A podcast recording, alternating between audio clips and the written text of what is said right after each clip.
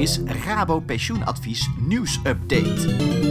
Hoi, super dat je weer luistert naar een nieuwe podcast van Rabo Pensioenadvies. Wij proberen die redelijk taaie pensioenmaterie begrijpelijk en ook nog een beetje leuk over te brengen. Iedereen krijgt hopelijk met pensioen te maken, dus een beetje op de hoogte blijven kan geen kwaad. Vandaag vonden wij het weer tijd voor een korte update over het pensioenakkoord. In eerdere podcasts sprak ik al over de reden van het ontstaan van het akkoord, de verschillende contracten en de gevolgen voor werkgevers en werknemers. In de laatste podcast gaf ik aan dat minister Koolmees op het punt stond een brief te schrijven aan de Tweede Kamer met als onderwerp de versoepeling van de pensioenregels. En inmiddels is dit gebeurd. Op 19 november jongstleden heeft de minister een brief naar de Tweede Kamer gestuurd, waarin hij bevestigt dat de meeste pensioenfondsen die in de problemen zijn, in 2020 niet hoeven te korten op de pensioenen die zij verstrekken.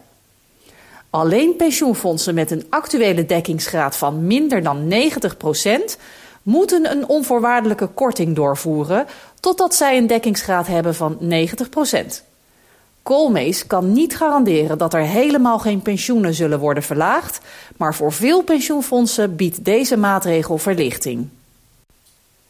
Er is een wetsvoorstel neergelegd dat mensen meer keuzes geeft rondom de pensioendatum. De naam van dit voorstel is Wet Bedrag ineens, RVU en verlofsparen. Dit is een pakketje van verschillende onderdelen van het pensioenakkoord. Werknemers krijgen de keuze om een beperkt deel van het pensioen op te nemen als bedrag ineens, de inmiddels welbekende lump sum. In het wetsvoorstel wordt gesproken over maximaal 10% als het voorstel wordt aangenomen, dan moet de keuzemogelijkheid voor een lump sum vanaf 1 januari 2022 worden aangeboden in zowel collectieve als individuele pensioenproducten, dus tweede en derde pijler.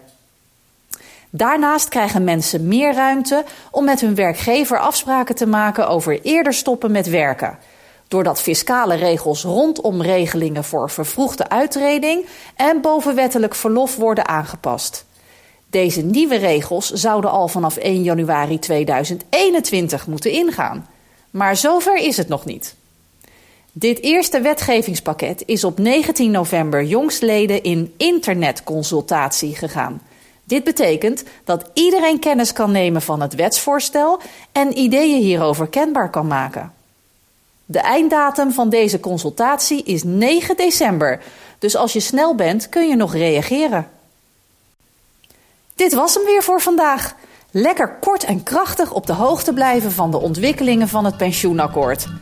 Luister je de volgende keer weer? Tot dan!